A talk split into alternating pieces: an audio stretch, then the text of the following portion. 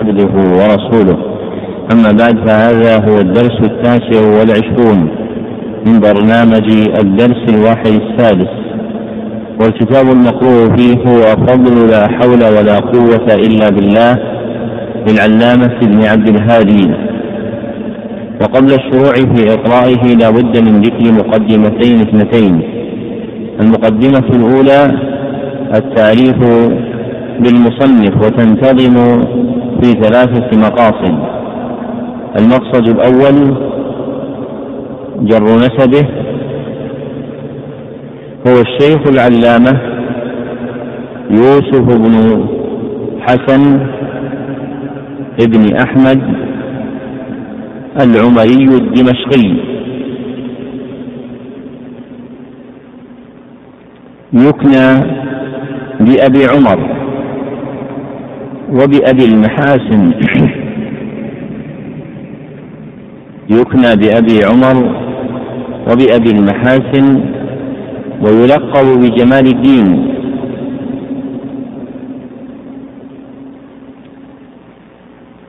وبابن المبرد بفتح الميم.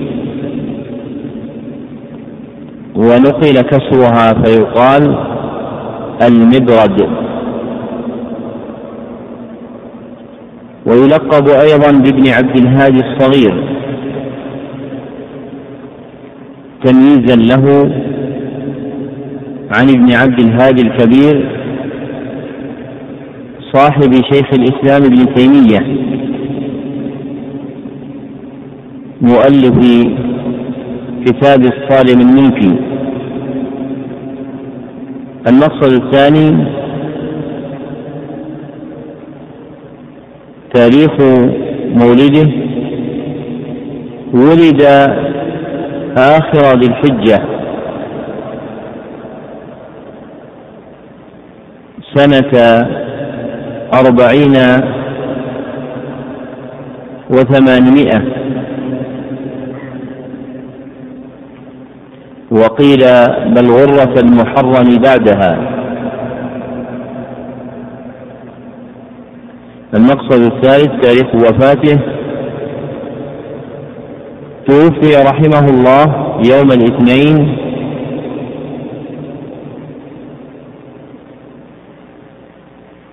الخامس عشر من محرم الحرام. سنة تسع وتسعمائة.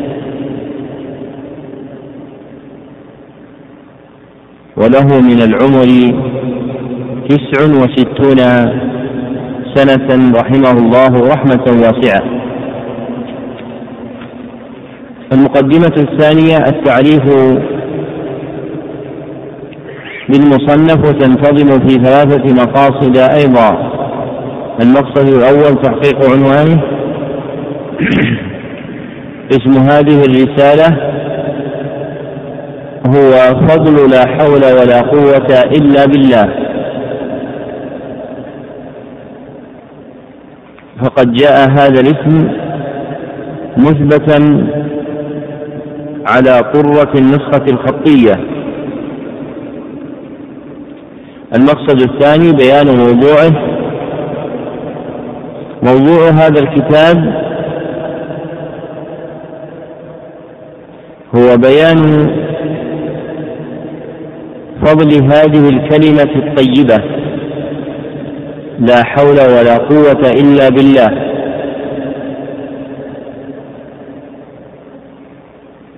المقصد الثالث توضيح منهجه.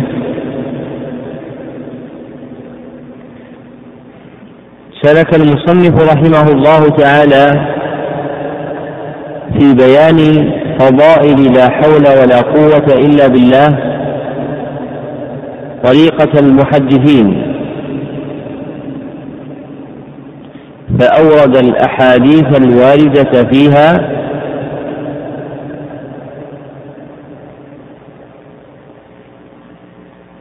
مروية بأسانيده.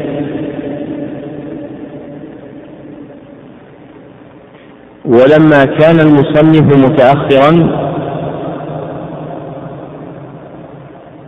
فإن كل حديث مما رواه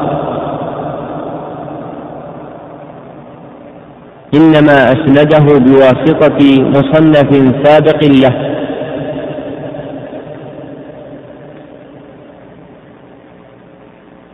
فروى أحاديث من طريق البخاري والترمذي والنسائي والمحاملي وآخرين من قدماء المحدثين.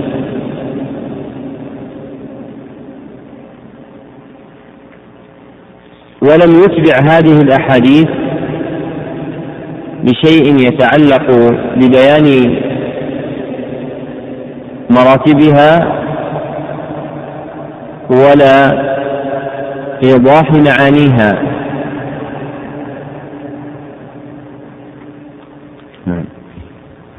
الحمد لله رب العالمين والصلاة والسلام على نبينا محمد وعلى آله وصحبه أجمعين.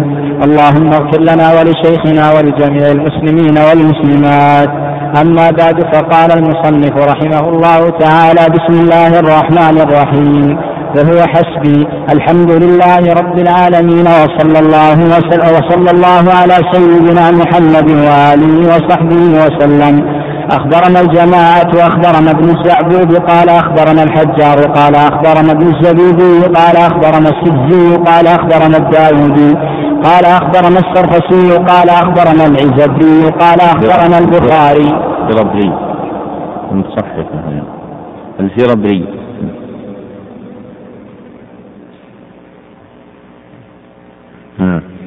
قال أخبرنا البخاري قال حدثنا محمد بن مقاتل أبو الحسن. قبل البخاري. شيخ اللي قبلها ماذا؟ اللي قبل البخاري. قال أخبرنا الفربري قال أخبرنا البخاري قال حدثنا محمد بن مقاتل أبو الحسن قال أخبرنا عبد الله قال أخبرنا سليمان التيمي عن أبي عثمان عن أبي موسى الأشعري رضي الله عنه قال أخذ النبي صلى الله عليه وسلم في عقبة أو قال في ثنية قال فلما عليها رجل فلما علا عليها رجل نادى فرفع صوته لا إله إلا الله والله أكبر. قال ورسول الله صلى الله عليه وسلم على بغلة قال فإنكم لا تدعون أصم ولا غائبا. ثم قال يا أبا موسى أو يا عبد الله بن قيس ألا أدلك على كلمة يا عبد الله بدون ابن قيس. هذه قال في الحاشية ما بين قوسين زيادة من المؤلف رحمه الله فقد ورد الاسم كاملا ولكن في رواية ثانية وليس بنفس الرواية هذه. هو أخذ من رواية ثانية وضعها في هذه الرواية وهذا غلط. فهذه تحذف نعم. أو يا عبد الله. أحسن الله عليك ثم قال يا أبا موسى يا عبد الله ألا أدلك على كلمة من كنز الجنة؟ قلت بلى. قال لا حول ولا قوة إلا بالله. أخبرنا ابن الطحان قال أخبرنا ابن أمينة قال أميلة أميلة أخبرنا ابن الطحان قال أخبرنا ابن أميلة قال أخبرنا ابن البخاري حاء وأخبرنا جدي قال أخبرنا الصلاح بن أبي عمر قال أخبرنا الفخر بن البخاري. قال أخبرنا أبو اليمن الكندي قال أخبرنا أبو الحسن سعد الخير الأنصاري قال أخبرنا أبو محمد الدوني قال أخبرنا أبو نصر بن كسار قال أخبرنا أبو بكر بن السني قال أخبرنا محمود بن محمد قال حدثنا العباس بن عبد العظيم العنبري قال حدثنا يحيى بن سعيد عن سليمان التيمي عن أبي عثمان النهدي عن أبي موسى الأشعري رضي الله عنه قال أخذ القوم في عقبة أو قال ثنيه كلما علا عليها رجل نادى بأعلى صوته لا إله إلا الله والله أكبر. قال فقال رسول الله صلى الله عليه وسلم إنكم لا تدعون أصم ولا غائبا. ثم قال يا أبا موسى أو يا عبد الله بن قيس ألا أدلك على كنز من كنوز الجنة؟ قلت بلى. قال تقول لا حول ولا قوة إلا بالله. وبه إلى ابن السني قال حدثنا أبو عبد الرحمن قال حدثنا عبدة بن عبد الله الصفار عن سويد عن زهير قال حدثنا عاصم الأحول عن أبي عثمان قال حدثني أبو موسى رضي الله عنه قال كنا مع رسول الله صلى الله عليه وسلم في سفر فأشرف علينا من على واد فجهر بالتهليل والتكبير الله أكبر لا إله إلا الله ورفع عاصم صوته فقال النبي صلى الله عليه وسلم يا أيها الناس اربعوا على أنفسكم الذي تدعون ليس بأصم إنه سميع قريب. إنه معكم عادا ثلاث مرات. قال أبو موسى فسمعني أقول وأنا خلفه لا حول ولا قوة إلا بالله. وبه إلى ابن السني قال أخبرنا أبو يعلى قال حدثنا خلف بن هشام قال حدثنا حماد بن زيد عن أيوب عن أبي عثمان عن أبي موسى رضي الله عنه قال كنا مع رسول الله صلى الله عليه وسلم فكان القوم إذا علوا إذا علوا شرفا كبروا فقال النبي صلى الله عليه وسلم يا أيها الناس اربعوا على أنفسكم فإنكم لا تدعون أصم ولا غائبا ولكن تدعون سميعا قريبا. قال وأنا أقول لا حول ولا قوة إلا بالله. فقال يا عبد الله بن قيس لا أدلك على كنز من كنوز الجنة. لا حول ولا قوة إلا بالله. ذكر المصنف رحمه الله تعالى هنا حديث أبي موسى الأشعري في فضل لا حول ولا قوة إلا بالله يسنده من وجوه. وحديث أبي موسى هذا حديث صحيح قد أخرجه البخاري ومسلم. وفيه من فضيلة لا إله إلا الله فضيلة لا حول ولا قوة إلا بالله أنها كنز من كنوز الجنة.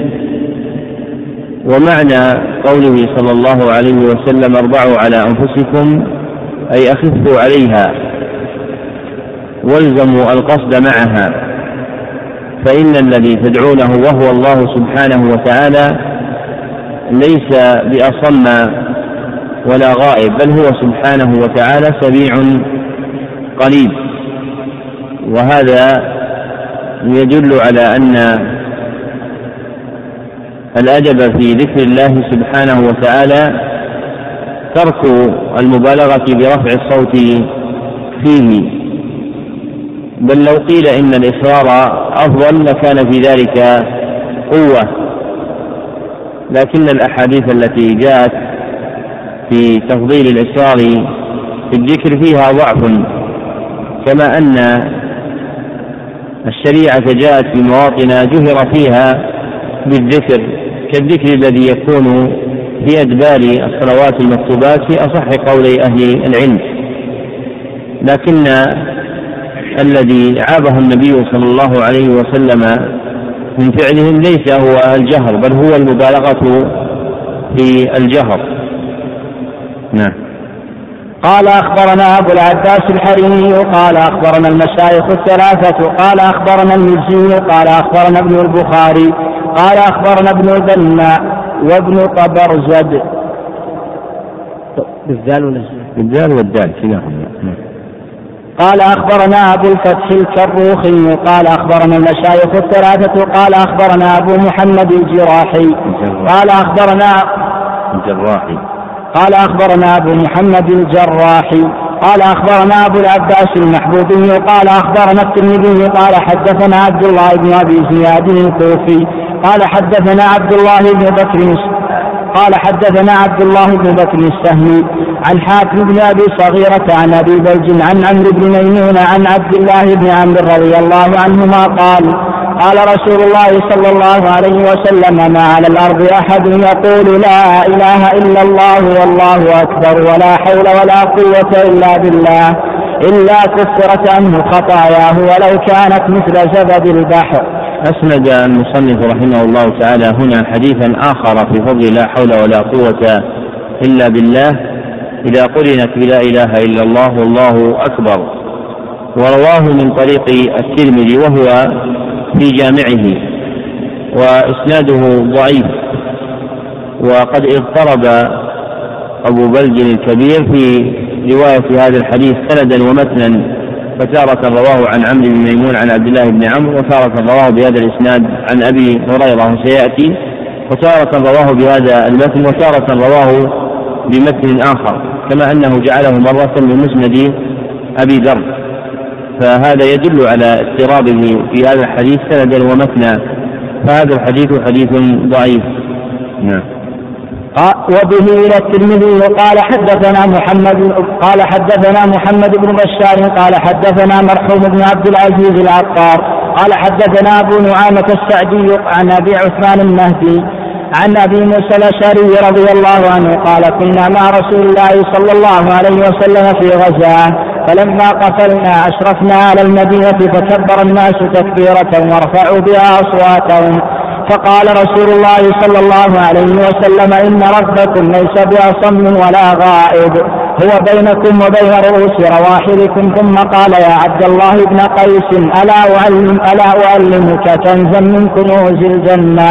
لا حول ولا قوة إلا بالله. تقدم حديث أبي موسى الأشعري هذا وذكرنا أنه حديث صحيح مخرج في الصحيحين وقوله في أول إسناده وبه هذا نوع من الاختصار في الحديث لم يكن في كلام المتقدمين وإنما وقع عند المتأخرين فيريد بهذا الضمير وبه يعني بإسناده الذي تقدم مما أسنده عن شيوخه عن شيخه أبي العباس الحريري بإسناده في الحديث السابق وهذا مما يندرج في الاختصار المتعلق بالحديث. واختصار الحديث نوعان أحدهما اختصار المتن وهذا هو الذي كان كثيرا عند المتقدمين وفعله البخاري في صحيحه. والثاني اختصار السند وهذا لم يكن في كتب المتقدمين ولا ذكره المصنفون في كتب المصطلح. لأنه إنما نشأ بأخرة لما طالت الأسانيد فاحتاجوا إلى مثل هذا.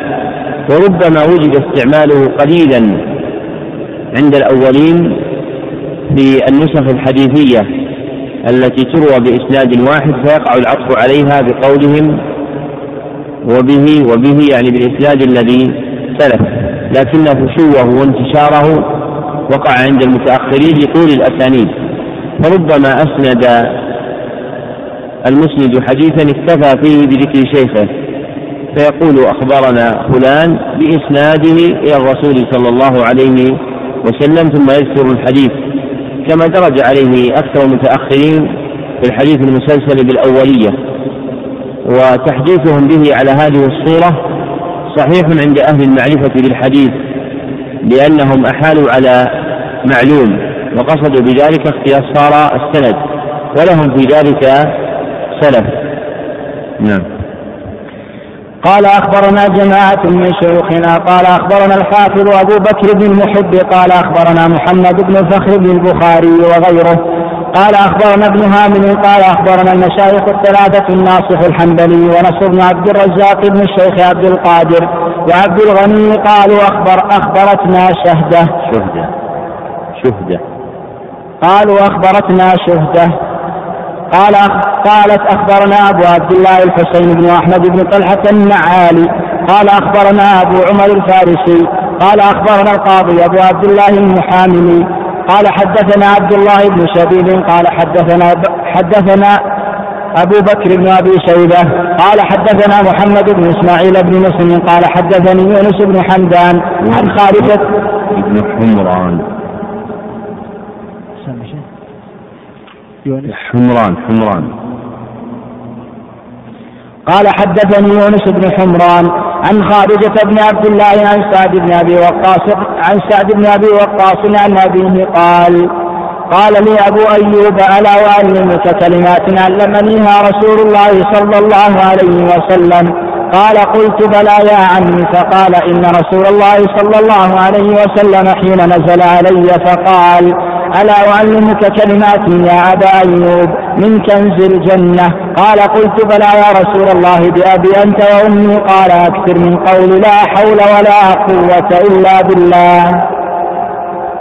وبه إلى المحامل. قال حدثنا أحمد بن منصور ويوسف, ويوسف بن موسى وإبراهيم بن هاني وروح بن الفرج. قالوا حدثنا أبو عبد الرحمن المقرئ. قال حدثنا حيوة قال أخبرني أبو صخر أن عبد الله بن عبد الرحمن بن عبد الله بن عمر بن الخطاب أخبره عن سالم بن عبد الله بن عمر قال أخبرني أبي أي أبو أيوب الأنصاري أبو أبو أيوب الأنصاري أن رسول الله صلى قال أخبرني أبو أيوب الأنصاري رضي الله عنه أن رسول الله صلى الله عليه وسلم ليلة أسري به مر على إبراهيم خليل الرحمن. عليه السلام فقال إبراهيم عليه السلام لجبريل عليه السلام من مات يا جبريل؟ قال جبريل هذا محمد.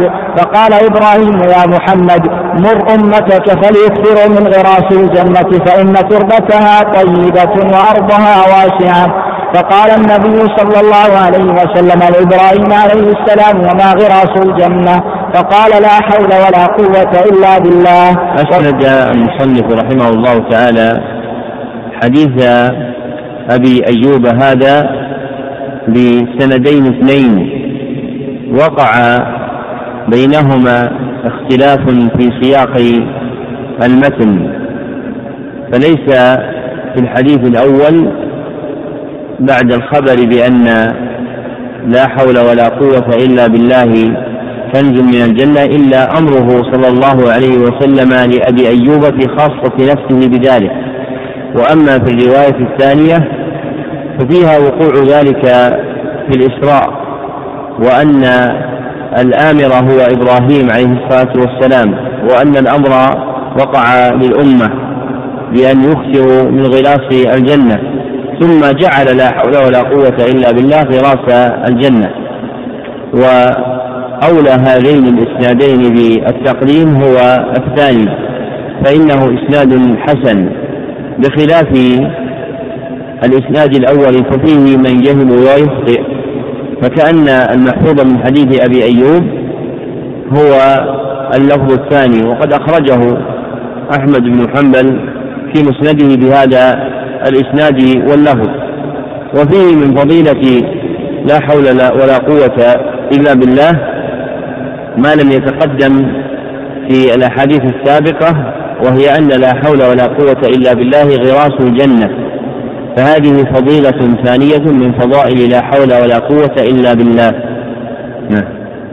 وبه إلى المحامل قال حدثنا محمد بن الوليد قال حدثنا عبد الوهاب الثقفي قال قال حدثنا خالد الحذاء عن أبي عثمان النهدي عن أبي موسى الأشعري رضي الله عنه أن النبي صلى الله عليه وسلم قال يا عبد الله بن قيس ألا أعلمك كلمة من كنوز الجنة لا حول ولا قوة إلا بالله.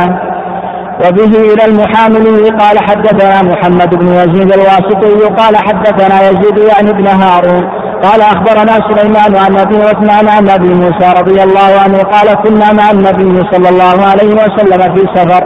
فقال يا عبد الله بن قيس أو يا أبا موسى ألا أدلك على كلمة من كنوز الجنة؟ قلت بلى يا رسول الله قال لا حول ولا قوة إلا بالله.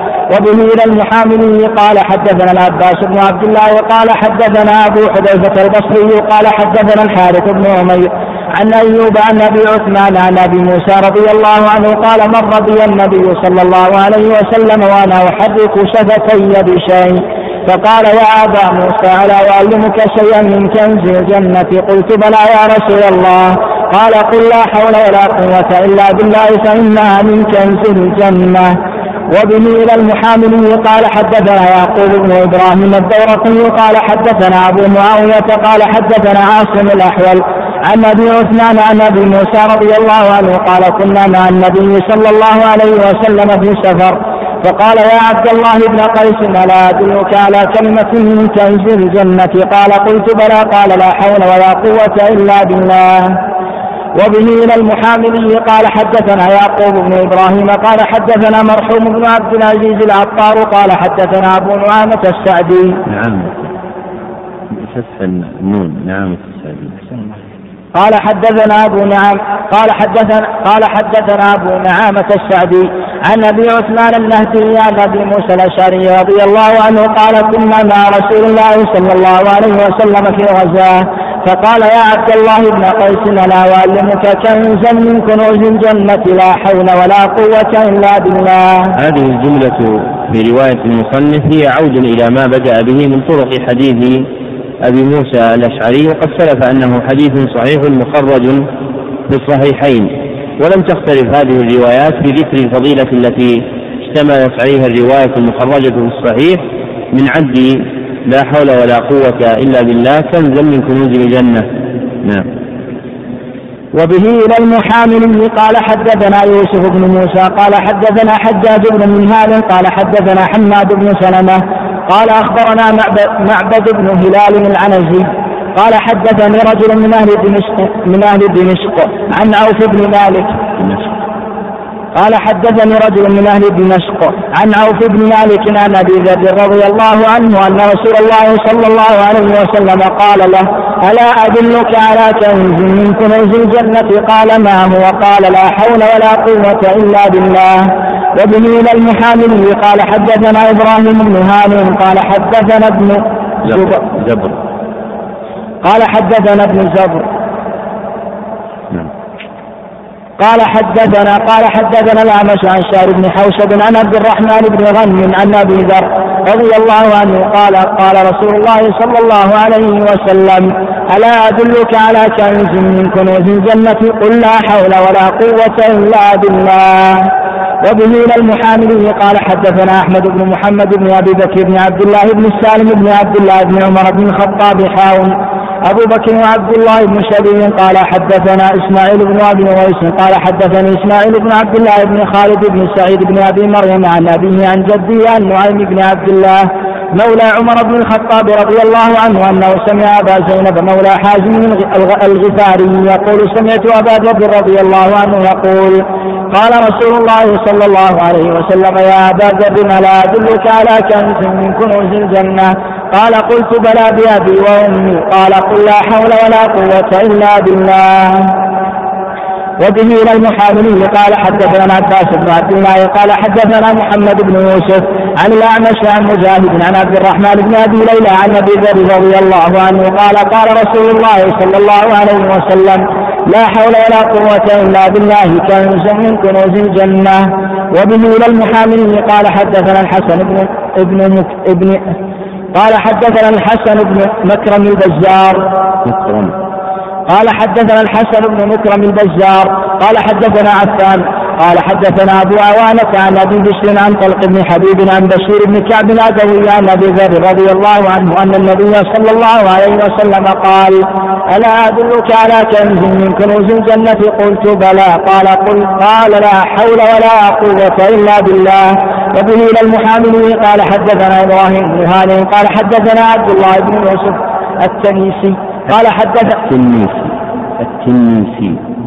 الله عليك قال حدثنا عبد الله بن يوسف التنيسي. قال حدثنا ابن أبي ابن أبي الرجال عن عمر مولى غفرة عن محمد بن كعب القرظي عن أبي ذر رضي الله عنه قال أوصاني حبيبي صلى الله عليه وسلم أن أقول لا حول ولا قوة إلا بالله. وبه إلى المحاملي قال حدثنا إبراهيم بن هاني قال حدثنا خلاد بن يحيى المكي قال حدثنا هشام بن سعد قال أخبرني محمد بن زيد بن مهاجر قال أبو ذر رضي الله عنه أوصاني حبيبي صلى الله عليه وسلم أن يكثر من قول لا حول ولا قوة إلا بالله وكان يقال إنها دواء من تسعة وتسعين داء أدناه الهم. أورد المصنف رحمه الله تعالى هنا طرقا عدة لحديث أبي ذر الغفاري رضي الله عنه بسياق واحد سوى آخرها فإن السياق فيه مختلف وهو من أوهاها إسنادا والأسانيد التي تقدمت عنه رضي الله عنه أصحها الإسناد الذي أورده المصنف في الحديث السابع عشر. وهو من رواية الأعمش عن مجاهد عن عبد الرحمن بن أبي ليلى عن أبي ذر قال قال رسول الله صلى الله عليه وسلم لا حول ولا قوة إلا بالله كنز من كنوز الجنة. فإنه إسناد صحيح وقد أخرجه أحمد في مسنده من حديث الأعمش بهذا الإسناد. وفي هذا الحديث تأكيد الفضيلة المتقدمة في حديث أبي موسى الأشعري أنه كنز من كنوز الجنة. فيصير هذا المعنى ثابتا من حديث صحابيين أحدهما أبو موسى الأشعري والثاني أبو ذر الغفاري. نعم. وبه المحامل قال حدثنا محمد بن عثمان بن كرامة قال حدثنا أبو أسامة قال حدثني جرير بن أيوب قال حدثنا أبو حسين الأسدي قال قال أبو سعيد الخدري رضي الله عنه قال قال رسول الله صلى الله عليه وسلم أكثروا أن تقولوا لا حول ولا قوة إلا بالله. هذا الحديث الذي أورده المصنف رحمه الله تعالى إسناده ضعيف لضعف جرير بن أيوب.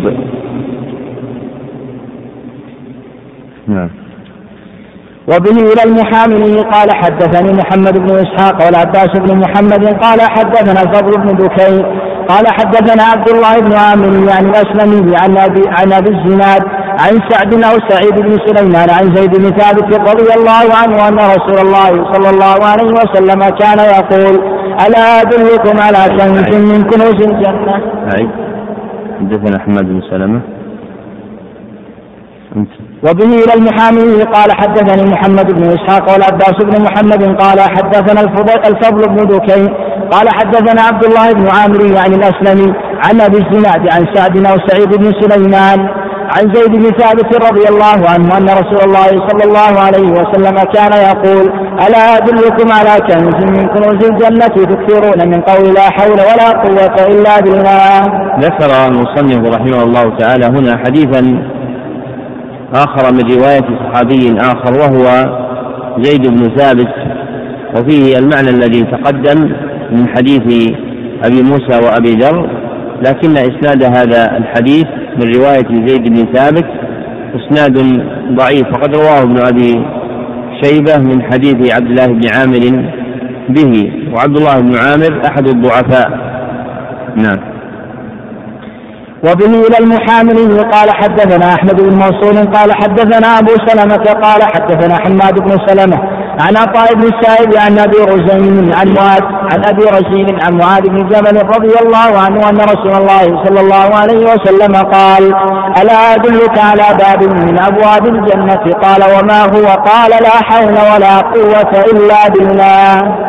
أورد المصنف رحمه الله تعالى هنا حديثا آخر عن صحابي آخر في هذا الباب من فضائل لا حول ولا قوة إلا بالله. وفيه إثبات فضيلة زائدة على ما تقدم وهي عد لا حول ولا قوة إلا بالله بابا من أبواب الجنة. إلا أن إسناد هذا الحديث ضعيف لأن رواية حماد بن سلمة عن الشيوخ مما تكلم فيها أحمد بن حنبل وغيره وإنما يعتد من روايته رحمه الله تعالى ما حدث به عن حماد عن ثابت بن أسلم وحميد الطويل. وما عدا هذين فالغالب على حديثه الغلط. كما أن أبا رزين لم يسمع من معاذ بن جبل. والغالب على الأحاديث التي تروى عن معاذ بن جبل أنها منقطعات لأن أهل الشام يغلب عليهم إرسال حديثهم كما ذكر ذلك ابن رجب في فتح الباري. ولا يسردون الأخبار عن شيوخهم حتى دخل الزهري الشام فعلمهم الإسناد ولهذا فإن الغالب في رواية التابعين عن الصحابة الشاميين الانقطاع ومنها بل أكثرها حديثهم عن معاذ بن جبل فإن الغالب أن هذه العلة تضطرد في روايتهم عن معاذ بن جبل رضي الله عنه. نعم. وبه إلى المحامي قال حدثنا محمد بن مسلم بن وارة وإبراهيم بن هانئ قال حدثنا ابن أبي مسلم قال حدثنا يحيى بن أيوب عن خالد بن يزيد عن عبد الله بن مسروح عن ربيعة بن يورى عن فضالة بن عبيد رضي الله عنه أن رسول الله صلى الله عليه وسلم قال من أراد كنز الجنة فعليه بلا حول ولا قوة إلا بالله. وقال ابن وار حدثني به أيضا سعيد بن الحكم بن أبي مريم. هذا حديث آخر في باب فضيلة لا حول ولا قوة إلا بالله وأنها كنز من كنوز الجنة وفي إسناده ضعف. إلا أنه مشدود بالروايتين الثابتتين اللتين تقدمتا من حديث أبي موسى الأشعري وأبي ذر الغفاري. فأصل الحديث عن النبي صلى الله عليه وسلم محفوظ لكن إسناده عن جماعة من الصحابة ممن تقدم كزيد بن ثابت وأبي سعيد الخدري وفضالة بن عبيد لا تسلم من مقال نعم. وبه إلى المحامل قال حدثنا القاسم بن سعيد بن أبو, أبو بشر. قال حدثنا وهب يعني بن جرير قال حدثنا أبي قال سمعت منصور بن قال سمعت منصور بن زازان حاء قال المحاملي وأخبرنا يوسف بن موسى وأحمد بن منصور قال حدثنا موسى بن إسماعيل قال حدثنا جرير بن حازم عن منصور بن زازان عن ميمون بن أبي شبيب عن قيس بن سعد أن أباه إلى النبي صلى الله عليه وسلم يخدمه قال فأتى علينا النبي صلى الله عليه وسلم وقد صليت ركعتين فضربني برجله فقال فقال لا أدلك على باب من أبواب الجنة. قلت بلى قال لا حول ولا قوة إلا بالله. وقال موسى بن إسماعيل فصليت ركعتين. واضطجعت فخرج رسول الله صلى الله عليه وسلم فضربني برجله ثم رواه هو بنحوه. وبه إلى المحامي قال حدثنا قاسم بن محمد بن عباد المهلي. قال حدثني ابي المهلبي. المهلبي. وبه إلى المحاملي قال حدثنا القاسم بن محمد بن عباد المهلبي قال المهلبي قال حدثني أبي عن جدي قال حدثنا سعد عن منصور عن ميمون بن أبي شديد قال حدثني قيس بن عبادة رضي الله عنهما قال دفعني أبي إلى رسول الله صلى الله عليه وسلم قال فمر بي وقد ركعت ركعتين وأنا مضطجع في المسجد فركبني برجله فقمت إليه فقال ألا أعلمك كنزا من كنوز الجنة؟ قلت بلى يا نبي الله. قال أكثر من قول لا حول ولا قوة إلا بالله العلي العظيم. وبه إلى المحامي قال حدثنا محمد بن أشكاد. قال حدثنا عبد الصمد. قال حدثنا أبي أشكاد. محمد بن أشكاد.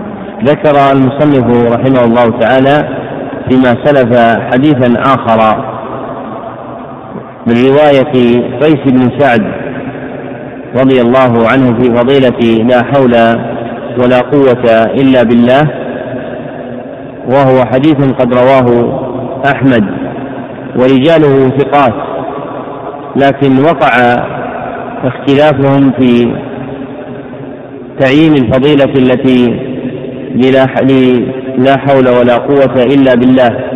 فوقع في بعض الطرق أنها باب من أبواب الجنة. ووقع في بعض الطرق أنها كنز من كنوز الجنة. والذي يظهر والله أظهر والذي يظهر والله أعلم أن المحفوظ هو الموافق لحديث أبي موسى الأشعري وأبي ذر الغفاري في الباب. وأنها كنز من كنوز الجنة. نعم. وبه إلى المحامل قال حدثنا محمد بن إشكاب. قال حدثنا إشكاب. إشكاب بالكسر. وبه إلى المحامل قال حدثنا محمد بن إشكاب. قال حدثنا عبد الصمد قال حدثنا أبي عن علي بن زيد عن يوسف بن مهران عن ابن عباس رضي الله عنهما قال لا حول ولا قوة إلا بالله إلي ألقى إلي عبدي بالسن. أسند المصنف رحمه الله تعالى هنا هذا الأثر عن ابن عباس رضي الله عنه وفي إسناده ضعف. ومعنى ألقى إلي عبدي بالسلم يعني بالاستسلام لأن لا حول ولا قوة إلا بالله براءة من الحول والقوة فقائلها مستسلم لله عز وجل نعم قال اخبرنا ابن الطحان قال اخبر قال اخبرنا ابن قال اخبرنا ابن حميده قال أخبرنا ابن أميلة قال أخبرنا الفخر وأخبرنا جدي قال أخبرنا الصلاح بن أبي عمر قال أخبرنا الفخر بن البخاري قال أخبرنا الكندي قال أخبرنا أبو الحسن الأنصاري قال أخبرنا أبو محمد الدوني قال أخبرنا أبو نصر الكسار قال أخبرنا ابن السني قال حدثنا ابن منيع قال حدثنا الحسن بن عرفة قال حدثنا علي بن ابن ثابت الجزري عن الوزاع بن نافع العقيلي عن أبي وازع بن نافع من هو الوزاع؟ وزاع؟ وازع بن نافع هذا الذي أعرفه أنا. قد أكون وهمت. نعم مش في الكتاب لعلكم تراجعونها. نعم.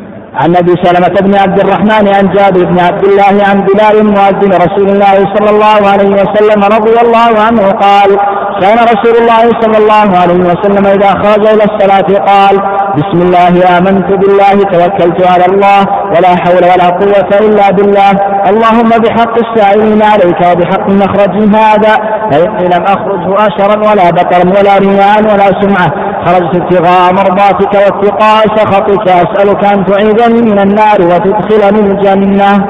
وبه لابن السني قال المصنف رحمه الله تعالى هنا حديث بلال المشهور الذي أخرجه ابن السني في عمل اليوم والليلة من طريقه المصنف وإسناده ضعيف جدا. وقد اختلف أهل العلم في تحقيق معنى بحق السائلين عليك.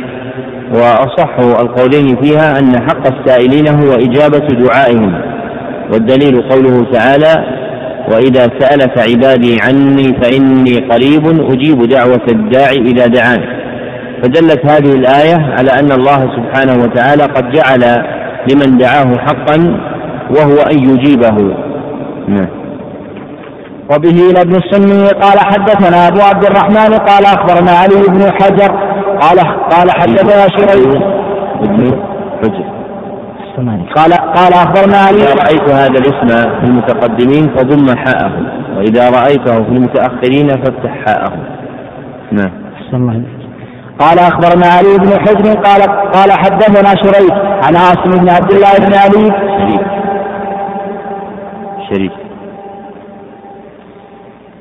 قال حدثنا شريك عن عاصم بن عبد الله بن علي بن حسين عن أبي عن أبي رافع رضي الله عنه قال كان رسول الله صلى الله عليه وسلم إذا سمع المؤذن قال مثل ما يقول فإذا قال حي على الصلاة حي على الفلاح قال لا حول ولا قوة إلا بالله.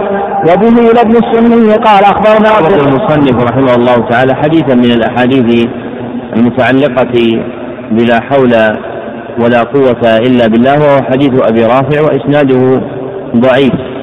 لكن قول لا حول ولا قوة إلا بالله عند الحيعلتين ثابت في الصحيح.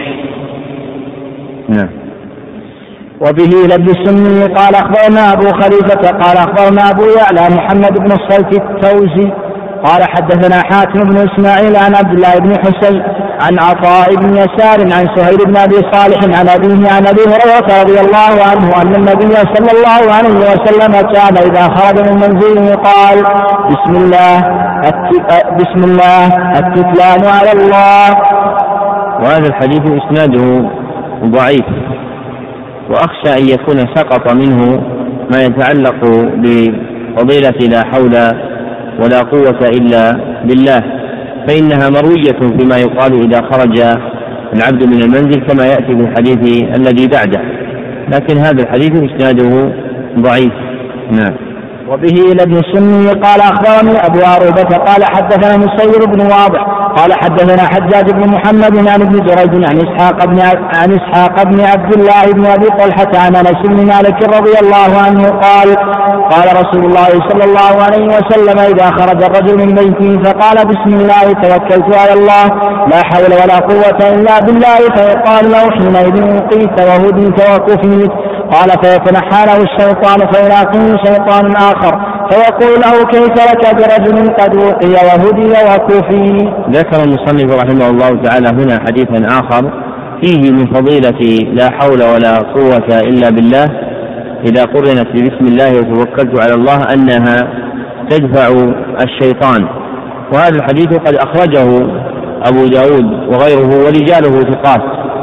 لكن الحفاظ يرون أن هذا الحديث مما دلسه ابن جريج. وأنه غير محفوظ عن النبي صلى الله عليه وسلم. والأحاديث المروية عن النبي صلى الله عليه وسلم في الدعاء عند الخروج من البيت أسانيدها ضعاف ولا يثبت منها شيء عند التحقيق. نعم. قال أخبرنا جماعة من شيوخنا قال أخبرنا الصلاح بن أبي عمر قال حدثنا الفخر بن البخاري قال أخبرنا ابن الجوزي قال أخبرنا حسين بن نصر قال أخبرنا أبو نعيم قال حدثنا سليمان بن أحمد قال حدثنا بكر بن سالم قال حدثنا عمرو بن هاشم قال حدثنا سليمان بن أبي كريمة عن جويبر عن الضحاك عن ابن عباس رضي الله عنهما قال من قال بسم الله فقد ذكر الله ومن قال الحمد لله فقد شكر الله ومن قال الله أكبر ومن قال الله أكبر فقد عظم الله ومن قال لا إله إلا الله فقد وحد الله ومن قال لا حول ولا قوة إلا بالله فقد أسلم واستسلم وكان له بها كنز من كنوز الجنة. أورد المصنف رحمه الله تعالى هذا الحديث من طريق الطبراني وإسناده ضعيف جدا فإن فيه جماعة من الضعفاء. نعم. قال أخبرنا جماعة من شيوخنا قال أخبرنا ابن بردس قال أخبرنا ابن الخباز قال أخبرنا جماعة من شيوخنا. قال أخبرنا جماعة من شيوخنا قال أخبرنا ابن قالوا. جماعة اسم قالوا؟ قال أخبرنا جماعة من شيوخنا قالوا أخبرنا ابن بردس. قال أخبرنا ابن الخباز قال أخبرنا ابن عبد الدائم قال أخبرنا الحافظ عبد الغني قال أخبرنا عبد الله بن أحمد قال أخبرنا أبو الفتح محمد بن عمر قال أخبرنا أبو بكر الذكواني قال حدثنا الطبراني حاء وأخبرنا جماعة من شيوخنا قالوا أخبرنا ابن المحب قالوا أخبرنا ابن المحب قال أخبرتنا زينب بنت الكمال والقاضي سليمان قال الحافظ وقالت زينب وأخبرنا وقال القاضي سليمان وأخبرنا الحافظ ضياء الدين قال أخبرنا الصيدلاني قال أخبرنا الحداد قال أخبرنا أبو نعيم قال أخبرنا الطبراني قال أخبرنا أبو غسان الفرائضي قال قال حدثنا محمد بن عمرو بن سلمة المرادي قال حدثنا يونس بن تميم عن الأوزاعي عن يحيى بن أبي كثير عن أبي سلمة عن أبي هريرة رضي الله عنه قال قال رسول الله صلى الله عليه وسلم من ألبسه الله نعمة فليكثر من الحمد لله ومن كثرت ذنوبه فليستغفر الله ومن أبطى رزقه فليقل لا حول ولا قوة إلا بالله ومن نزل مع قوم فلا يصومن إلا بإذنهم ومن دخل دار قوم فليجلس حيث أمروه فإن القوم أعلم بعورة دارهم. أورد المصنف رحمه الله تعالى هذا الحديث من طريق الطبراني وهو عنده في المعجمين الصغير والأوسط وإسناده ضعيف. نعم. قال أخبرنا جدي قال أخبرنا ابن الصلاح بن أبي عمر قال أخبرنا فخر بن البخاري قال أخبرنا حنبل قال أخبرنا ابن الحصين قال أخبرنا ابن ابن المذهب. ابن المذهب. قال أخبرنا ابن المذهب. قال أخبرنا أبو بكر القطيعي قال أخبرنا عبد الله بن الامام أحمد قال حدثني أبي قال حدثنا أبو عبد الرحمن المقرئ قال حدثنا حيوة قال أخبرني أبو صخر أن عبد الله بن عبد الرحمن بن عبد الله بن عمر بن الخطاب رضي الله عنه أخبره عن سالم بن عبد الله قال أخبرني أبو أيوب الأنصاري رضي الله عنه أن رسول الله صلى الله عليه وسلم ليلة أسري به مر على إبراهيم عليه السلام فقال من مات يا جبريل؟ قال هذا محمد. هذا محمد صلى الله عليه وسلم. قال له إبراهيم عليه السلام مر أمتك فيكفئ من غراس الجنة فإن تربتها طيبة وأرضها واسعة. وقال وما غراس الجنة. قال لا حول ولا قوة إلا بالله. أعد المصنف رحمه الله تعالى هنا حديث أبي أيوب الذي تقدم وذكرنا أن إسناده حسن بهذا المتن. نعم. وبه إلى الإمام أحمد. قال سمعت منصور بن قال سمعت منصور بن زازان عن ميمون بن أبي شبيب عن قيس بن سعد بن عبادة رضي الله عنهما أن أباه دفعه إلى النبي صلى الله عليه وسلم يخدمه. قال فأتى علي النبي صلى الله عليه وسلم وقد صليت فضربني بمثله وقال ألا أدلك على باب من أبواب الجنة؟ قلت بلى. قال لا حول ولا قوة إلا بالله.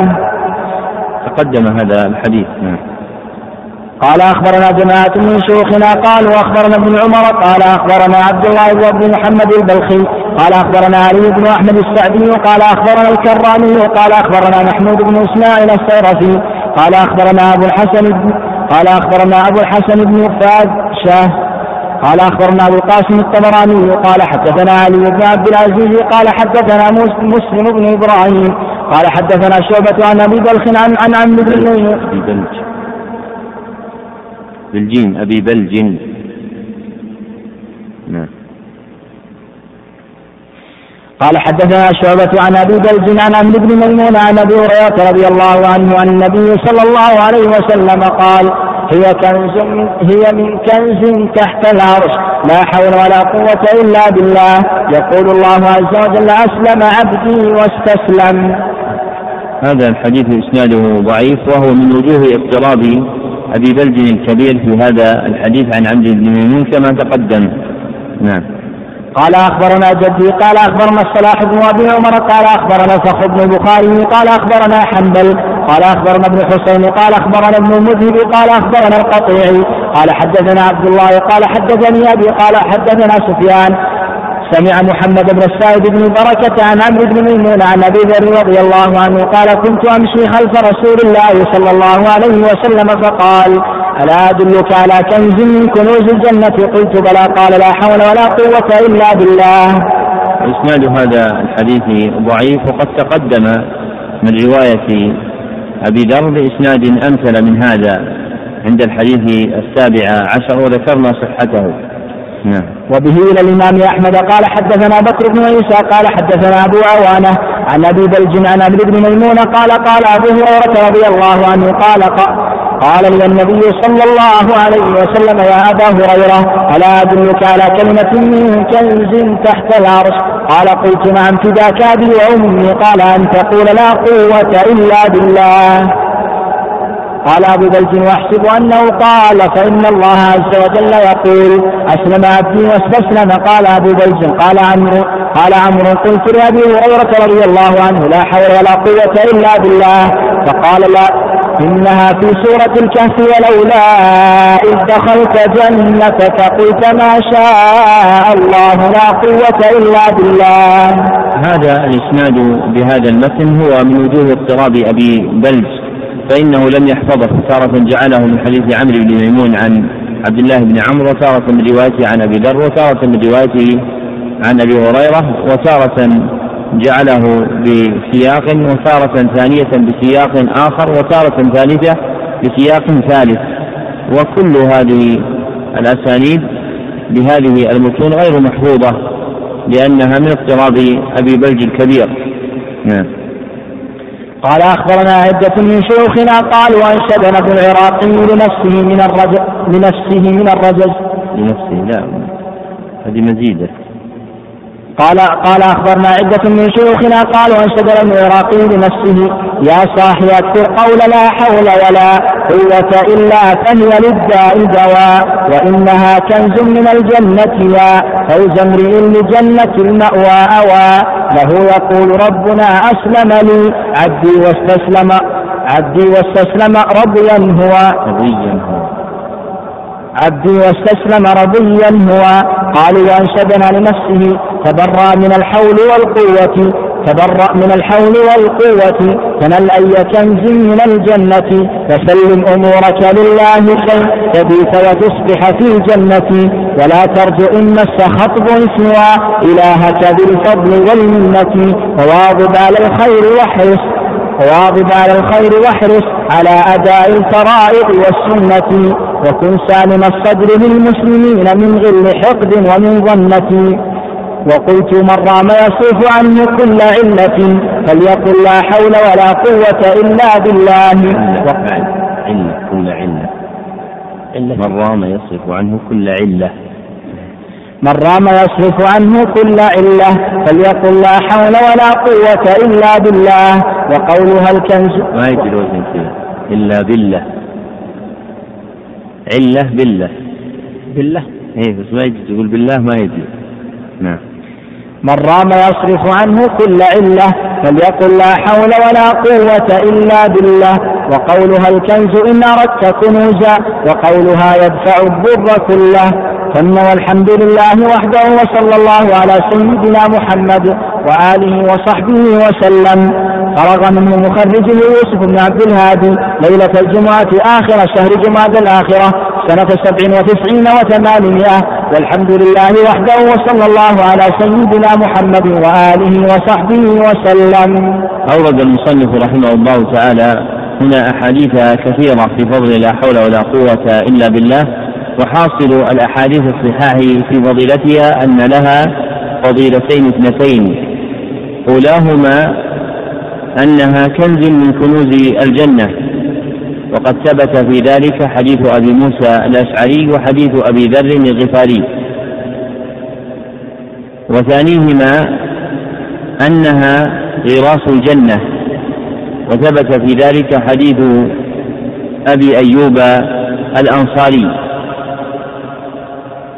وكل من الفضيلتين تفسر الأخرى فإن كونها كنزا وذخرا في الجنة يكون بصيرورتها من غرس الجنة الذي يغرسه العبد وبهذا تجتمع الأحاديث على معنى واحد وهذا آخر التقرير على هذا الكتاب. والحمد لله رب العالمين وصلى الله وسلم على عبده ورسوله محمد وآله وصحبه أجمعين.